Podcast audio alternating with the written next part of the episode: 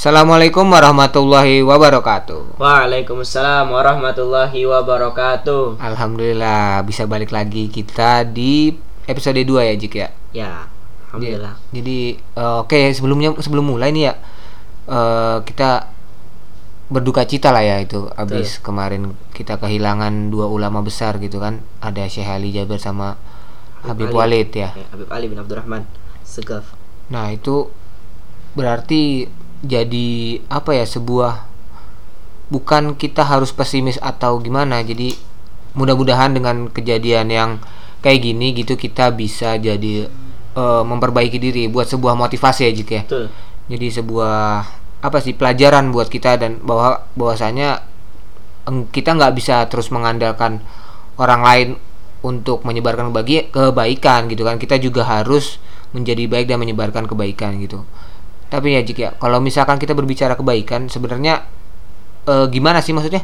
Kan kalau misalkan kita tahu kayak eh, almarhum Syekh Ali Jabir kan tuh benar-benar mendalami ilmu agama banget kan? Maksudnya kayak sementara kita itu kayak ya udah gini-gini aja gitu kan. Ada nggak sih caranya biar kita bisa memperbaiki diri itu lebih baik gitu. Alhamdulillah eh, kita ketemu lagi ya di pertemuan kita hari ini. Eh, ya mungkin apa ya namanya sekarang kalau bisa bilang tahun kesedihan kesedihan kali ya karena kita ditinggal banyak ulama kita karena kita eh, ditinggal lah sama ilmu-ilmu yang eh, mereka adalah mempunyai ilmu-ilmu yang tinggi untuk umat manusia karena kan juga siapa yang tidak bersedih Ah, atas iya benar. eh, meninggalnya seorang ulama maka dia termasuk munafik. Karena kenapa sih kayak gitu? Nah kita kan bahas juga loh nih kenapa nih kita seperti itu. Nah ini jadi introspeksi diri kita juga nih Iya. ketika eh, tadi apa? Kita mau Memperbaiki- jadi memperbaiki diri. Ya itu kan dari hati kita ya dari hati Iya. kita baik atau enggak. Nah ini jadi introspeksi buat kita. Kenapa? Karena ketika meninggalnya ulama kita nggak sedih berarti ada yang salah dengan hati kita. Iya. berarti hati kita ada yang kotor. Nah ini juga menjadi ibroh nih.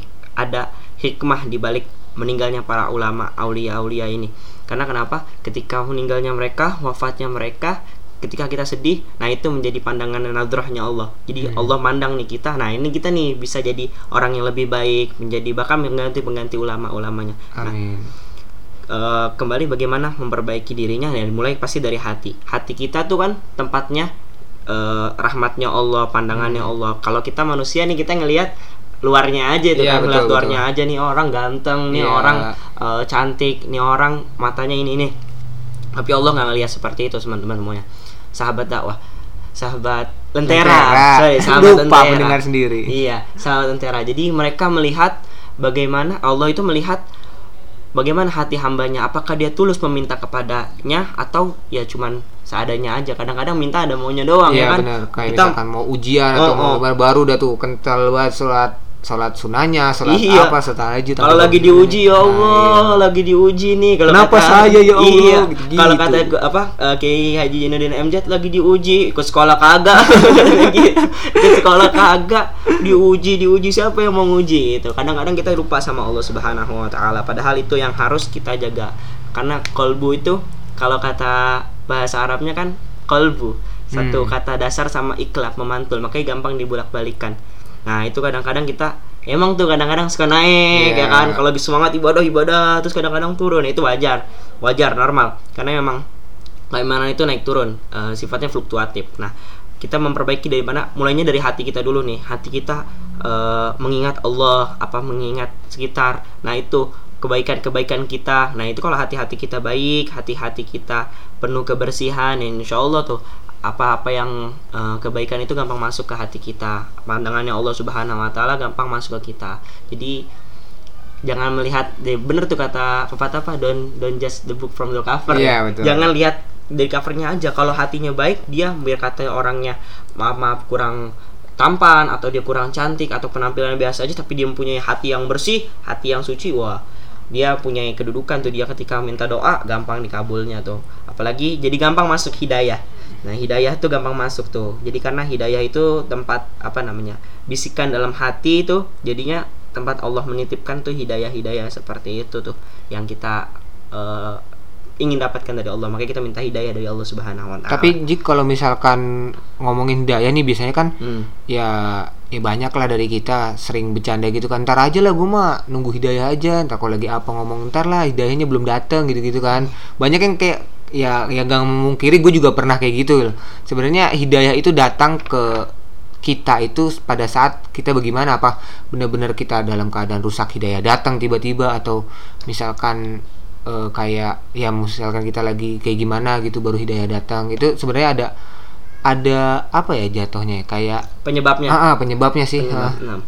Nah, eh, sebenarnya tuh dibahas dalam kitab eh, tasawuf daripada Adab Sulukul Murid karya Habib Abdullah bin Abdul Haddad tuh eh, dia bahas tuh penyebab-penyebab dat- apa datangnya hidayah tuh ada berapa macam tuh. Sebenarnya tuh kalau kata ulama, kalau yang ngomong nunggu hidayah itu perkataan orang bodoh katanya. Kalau Oh, nunggu ntar nungguin hidayah dulu aja dah, itu tuh perkataan orang bodoh. Nah, sebenarnya apa sih yang bisa menyebabkan datangnya hidayah itu ada lima sebenarnya. Jadi kalau misalnya yang ngomong eh, hidayah ntar aja hidayah datang. Hidayah itu perlu dijemput kayak rezeki. Ya coba aja ngomong rezeki ntar Iya, rezeki. iya. Ntar datang- sendiri. Udah rezeki ada yang ngatur tapi lu nganggur doang di rumah mau ngapain Iya, aja? sama aja Paul namanya kayak gitu. Nah tapi penyebab datang hidayah itu apa tuh? Yang pertama nih biasanya kalau kita ketika rasa takut sama Allah biasanya tuh mepet tuh kita Iya. lagi pepet pepet pepet nah udah nggak ada harapan lagi nggak ada senderan lagi tuh. Ah, Allah turunkan hidayahnya tuh. Emang dia berserah diri tuh ketika ketika bencana atau ada apa segala macam tuh apa ujian ke diri kita nah itu tuh masuk hidayah hidayah ke hati-hati kita. Kita jadi merasa lebih dekat sama Allah Subhanahu Wa Taala karena itu penyebab yang pertama. Terus yang kedua eh, ketika diberi himbauan eh, untuk beribadah. Jadi ketika kita kadang-kadang eh, datang-datang ke tempat ilmu atau enggak teman-teman kita nih kadang-kadang Iya, teman, iya. bro sholat yuk gitu. Iya, kadang-kadang iya, iya. suka yang kita malas-malas sholat kata, ah udah sholat deh gitu. Iya. Nah itu, nah itu tuh. ketika kita diberi himbauan, yuk kita sholat yuk. Atau kalau enggak, yuk kalau nggak sholat ini ini segala macam. Ah. Ingat nih udah mulai kayak gini, Iya, kayak iya, iya, gitu-gitu iya. kan. Ingat apa jangan sampai ntar masuk ke masjidnya gara-gara jadi mayit doang ah, Aduh. udah kayak gitu tuh itu kadang-kadang tuh yang kedua terus yang ketiga ketika dibuat rindu maksudnya dibuat rindu kenapa kita kadang-kadang namanya hidayah tuh rindu sama siapa rindu sama sesosok manusia mulia apalagi sama Rasulullah Sallallahu Alaihi Wasallam ketika kita rindu. Kan kita pengen nanti dekat sama Rasulullah sebagaimana Rasulullah pernah merindukan kita nih eh, zaman dahulu ketika Rasulullah duduk sama sahabat sa- eh, Rasulullah menangis kenapa? kata sahabat eh, wahai Rasulullah apa yang terjadi? Kenapa kamu menangis? katanya. Aku merindukan saudaraku kata Rasulullah. Bukankah kami saudaraku? Bukan kalian sahabat Terus siapa saudaraku? Saudaraku adalah nanti yang hidup setelah eh, zamanku, tapi mereka mencintaiku kata Rasulullah. Udah dirindukan. Nah berarti kalau kita sekarang eh, rindu, berarti hatinya Nah, connect tuh. iya, benar, benar, Ada connectnya. Kalau kagak rindu, nah di pikir-pikir tuh kita dirinduin nggak sama Rasulullah. Nah itu ketika kita rindu, kita pengen dekat sama Allah sama Rasulullah. Nah jadi hidayah tuh datang nggak tuh. Kita bersolawat, rindu kan kita kalau kita solawat tuh, wah rindu kita tambah. Iya, eh, betul, datang. betul. Heeh. Hmm. Kemudian ketika kita eh, mandang nih, apalagi orang wajah-wajah orang soleh nih. Nah itu seperti kayak makanya kita kenapa pentingnya tuh mereka eh, seperti Syekh Ali Jaber, Habib Ali bin Iya. Abdurrahman As-Segaf, wali apa eh, daripada habaib habaib ulama-ulama kita. Kita juga baru kemarin eh, tahun 2019 ditinggal sama Ustadz Harifin Ilham dan segala macam ulama-ulama kita. Nah itu ketika mereka memandang kita wajah eh, memandang wajah mereka tuh, nah itu bisa menjadi sebab jadi hidayah tuh karena wajah mereka tuh memang apa makanya bilang ada bekas tanda sujud bekas tanda Iya. sujud apa? Wajah yang bercahayanya itu tuh. Nah itu jadinya ketika kita ngeliat aja tuh wah bisa datang hidayah ke hati kita tuh wajah atau teman-teman kita kadang-kadang ah, skincare-nya apa? Wudhu nah, itu tuh kadang-kadang tuh. Itu itu berarti bukan bercandaan doang. iya karena apa? Karena wajahnya mereka menampakkan kesolehan-kesolehan itu jadinya ketika kita melihat mereka oh ya Allah pengen wajahnya gitu. Paling Iya, enggak iya. seminimalnya kayak gitu. Yang kelima tuh yang paling jarang sih paling langka itu dorongan tanpa eh datang tanpa sebab. Tiba-tiba song nah itu tapi langka banget. Karena kenapa? Ya itu ketika Allah ingin berkehendak mengubah hambanya 180 derajat seperti Sayyidina Umar bin Khattab Hmm. radhiyallahu taala anhu ketika dulu sangat tentang keras. Tapi kenapa? Iya. itu tapi ada doanya Rasulullah sebelumnya kan. Ketika doa eh, minta dikuatkan Islam dengan doanya salah satu Umar di antara dua Umar. Salah satunya Umar bin Khattab. Akhirnya Umar bin Khattab mendapat hidayah. Nah itu datang tanpa sebab tuh. Kayak yang paling penting banget hidayah. Jadi jangan bilang tar dulu nungguin hidayah. Karena itu kalau kata ulama itu eh, apa namanya perkataan orang bodoh bahkan kata nabi-nabi itu eh, mencari hidayah karena Allah tuh eh, menebak mencari terus hidayah terus setiap hari. Karena Allah tuh nebarin hidayah tuh di tiap hari gitu. Mencari Yap. hidayah terus setiap hari gitu. Oke, berarti ibaratnya wala- hidayah itu datang untuk memperbaiki kita tapi kita juga harus nyari gitu ya? Mm-mm, betul. Sama dipertahankan. Oh iya benar. Jadi maksudnya berarti hidayah itu bisa misalkan datang nih misalkan hari ini atau kalau misalkan misalkan lah kita lagi eh, imannya lagi kuat terus tiba-tiba hidayah datang gitu kan terus begitu iman lemah berarti hidayah bisa dicabut lagi? Betul bisa di itu. Makanya kudu dipertahankan. Nah, itu ada trik-triknya juga tuh mempertahankan hidayah tuh. Kurang lebih eh, ada tiga lah caranya. Dikemas secara rinci secara tiga. Yaitu pertama dikuatkan nih. Cara cara menjaga hidayahnya itu ada tiga. Jadi dikuat dijaga sama nggak datangin lagi hidayahnya. Hmm. nah menguatkannya gimana tuh? Pertama menguatkannya itu dengan berzikir. Zikir kita sering zikir. Paling mengingat lah mengingat Allah mengingat eh, kematian paling cepat tuh. Wah kita tak tahu tiba-tiba kematian datang tiba-tiba atau eh, kadang tetangga kita nah itu berzikir. Terus kedua tafakur ngeliat alam. Ya Allah alam kayak gini sekarang keadaannya tafakur kita ngeliat kebesarannya Allah sebenarnya segitu itu. Kemudian yang ketiga dikuatkan lagi dengan apa Nah, duduk sama orang-orang soleh, itu duduk di majelis-majelis ilmu atau duduk sama teman-teman kita yang paling enggak. Makanya kan ada pepatah dulu kalau berteman sama te- apa eh, tukang minyak wangi, ter- biar ikut wanginya wangi. eh, jangan sama tukang las. Nah, itu duduk sama orang-orang yang memang dekat. Kalau seminimal kita nggak bisa duduk di majelis ilmu, duduk tuh sama orang yang pernah duduk di majelis ilmu. Karena dia eh, setidaknya mereka adalah orang-orang yang pernah duduk dengan nama kita. Yes, betul betul Nah seperti itu yang terus yang kedua dijaga. Dijaganya apa? Jangan bermaksiat. Terus apa duduknya juga dijaga lagi ketika kita dapat Ah. hidayah. Jangan sampai kita duduk yang misalnya eh min yauzubillah ketika kita dulu pernah misalnya mabuk-mabukan segala Iya. macam ataupun yang dunia kelam lah ya Iya. kita duduk lagi di situ. Nah jangan sampai itu dijaga seperti itu. Yang terakhir mendatangi nah, mendatangi hidayah yang tersebut. Kayak datang ke tempat-tempat eh, yang baik itu ke masjid ke majelis taklim ke mana lah. Pokoknya intinya ke tempat-tempat yang baik. Nah, itu jadi tempat dapatnya hidayah seperti itu Oke, berarti gitu ya. Kayak maksudnya kita tuh eh, bisa dapat hidayah begitu aja maksudnya tiba-tiba itu tapi kemungkinan kecil. Dari kemungkinan besar itu yang paling gampangnya berarti kita nyari sendiri kan. betul dicari nah itu biasanya rang rangkuman itu gimana ya di majelis ilmu semuanya Iya, ada iya, tuh betul, yang ke betul. eh, berapa empat tadi tuh nah, itu Ah. semuanya di majelis ilmu yang satunya lagi nah random lah Iya. tuh sedikit berarti kemungkinan random Jadi kayak ini, kayak gacha, kayak Iya. gacha, kayak gacha. Ya udah orang-orang terpilih aja Betul. yang dapet. Maksudnya nggak nggak nggak setiap orang juga. Jadi Mm-mm. ya gimana ya kita sebisa mungkin yang mengurangi apa sih perkataan nanti aja nunggu Mm-mm. hidayah. kita juga harus berkeinginan oh iya gue pengen berubah oh iya gue pengen lebih baik oh iya gue pengen eh, ngaji lagi gue pengen ini gue pengen itu Eh, yang akhirnya membuat kita jadi lebih baik kayak gitu. Betul.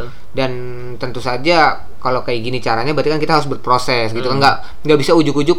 Tiba-tiba kalian pengen ngomong ih gue suatu hari pengen kayak Ajim gue pengen satu hari kayak eh si Ali Jaber gue pengen kayak gini, gini. Tapi cuma nongkrong juga nggak bisa doang gitu. Iyalah, nggak bisa, bisa kalau misalnya duduknya di tongkrongan doang. Iya duduknya di warkop ya nggak bisa.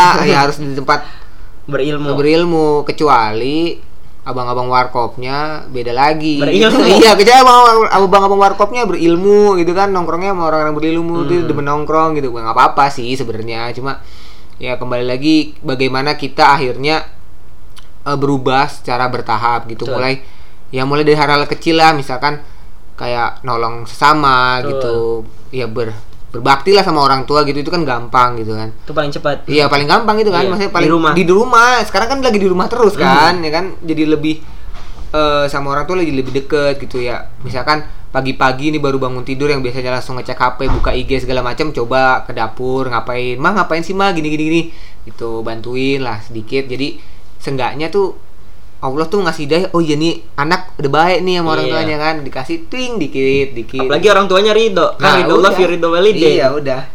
Ampun, itu ampun. Iya, ridhonya Allah udah. udah masuk ridhonya Allah mau ngomong apa?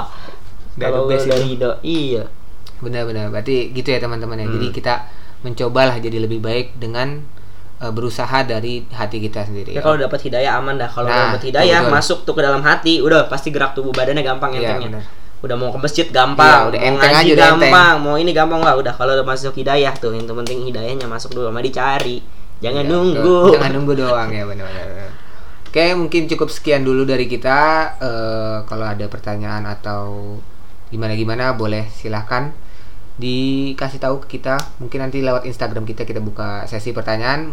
Wabillahi taufiq wal hidayah. Wassalamualaikum warahmatullahi wabarakatuh. Waalaikumsalam warahmatullahi wabarakatuh.